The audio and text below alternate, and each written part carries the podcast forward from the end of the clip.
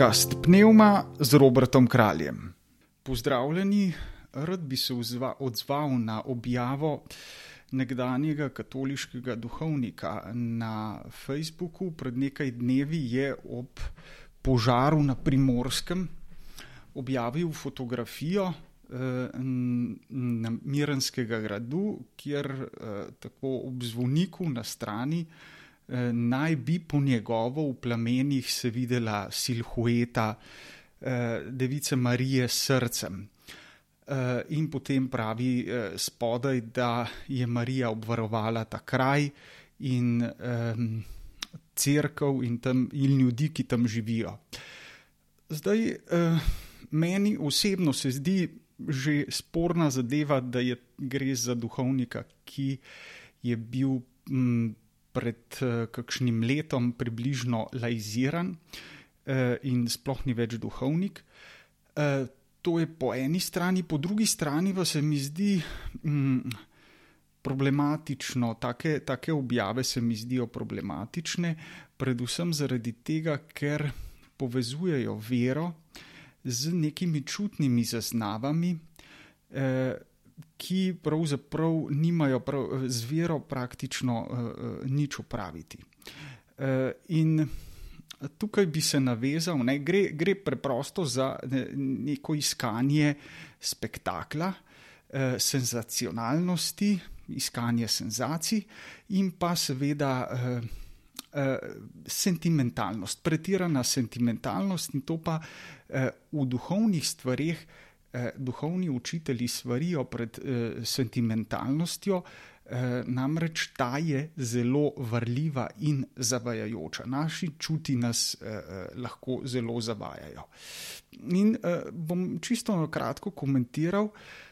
Uh, In, in se bomo oprl na res eh, pomembno avtoriteto v, v vesoljni cerkvi in sicer na crkveno učiteljico Terezijo Jezusovo, eh, ki je bila prva ženska, eh, eh, kot prva ženska razglašena za učiteljico cerkve leta 1970. In je, eh, kar zadeva duhovne eh, stvari in, in mističnih viden, prikazan, eh, razodeti, zelo ima posebno mesto.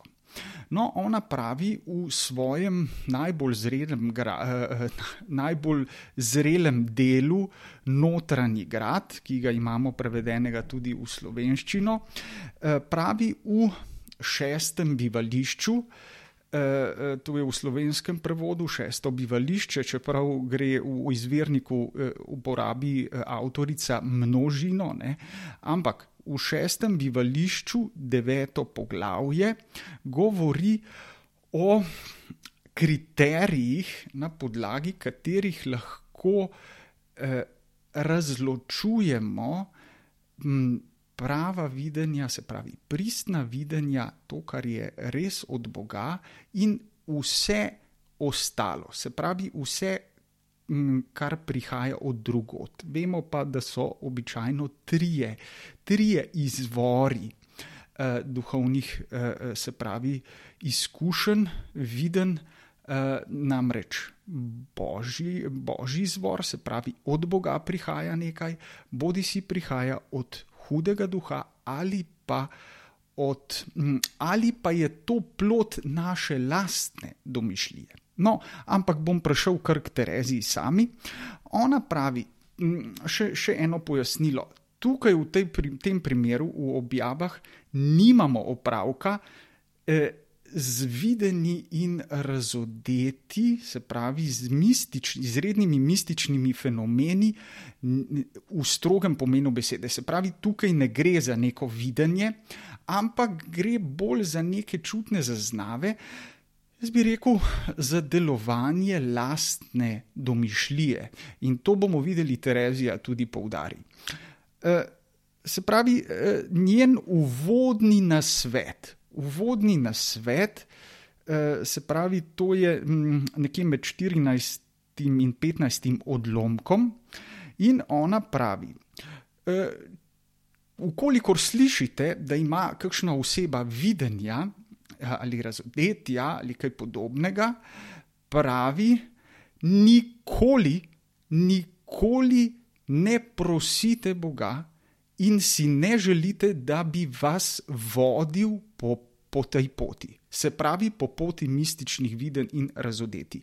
Nikoli. Ona pred tem zelo svari. Se pravi, to, to je za njo uh, uvodni nasvet. In potem preide k prvemu razlogu, zakaj si ne smemo želeti in prositi za ta videnja. Prvič. Prvi razlog je ta, da je to pomankanje ponižnosti, kajti eh, kako si lahko jaz želim videnja in razodetja, če si jih nisem zaslužil in si jih ne zaslužim ker gre za popolno, popolnoma zastonski božji dar. Prvi razlog. Drugi razlog. Navaja Terezija pravi, da v teh stvarih je velika verjetnost in še večja nevarnost, da nas zapelje hudi duh. Da nas zapelje hudi duh. Tretji razlog. Tretji razlog pravi, in to vidim tukaj pri, pri tej objavi, da je preprosto mm, eh, avtor te objave, mm, sam žrtev te, te, te lastne eh, domišljije. Se pravi, Terezija pravi, če jaz si nekaj zelo želim in želim nekaj videti, ali pa želim nekaj spoznati, bom to tudi dejansko videl. Ali pa ljudem se zgodi, da Eh, recimo, hm, si tako želijo nekaj slišati, da potem po noči dejansko tudi sanjajo o tem. To, to, to pravi Terezija. Ne? Eh, se pravi, tretji. Potem imamo četrti razlog, je v tem, da gre za, omenili smo že ponižnost, tukaj pa Terezija pravi, da je predrznost zahtevati oziroma si želeti, eh, pot teh mističnih videnj, ne da bi sploh vedeli, ali je to za nas primerna pot. Mi tega ne vemo, to je božja stvar, to ve Bog. Peti razlog, Terezija eh, eh, ga formulira v obliki vprašanja in sicer pravi, ali mislite, mislite, da tisti, ki imajo videnja in razodetja, ali mislite, da ne trpijo? In pravi, ne, oni zelo trpijo in na zelo različne načine trpijo. Se pravi, trpljenje je sestavni del, oziroma posledica teh viden. In še šesti, zadnji razlog pravi eh, tako, da eh, ti ljudje, ki prejemajo razna videnja, ne domnevno, domnevno eh, mislijo, da s tem pridobivajo, v resnici pa izgubljajo. In da za primer svetopisemski lik ne, sta, eh, starozaveznega Saula, kralja, ne, ki je ta položaj izgubil, ker ni bil poslušen Bogu.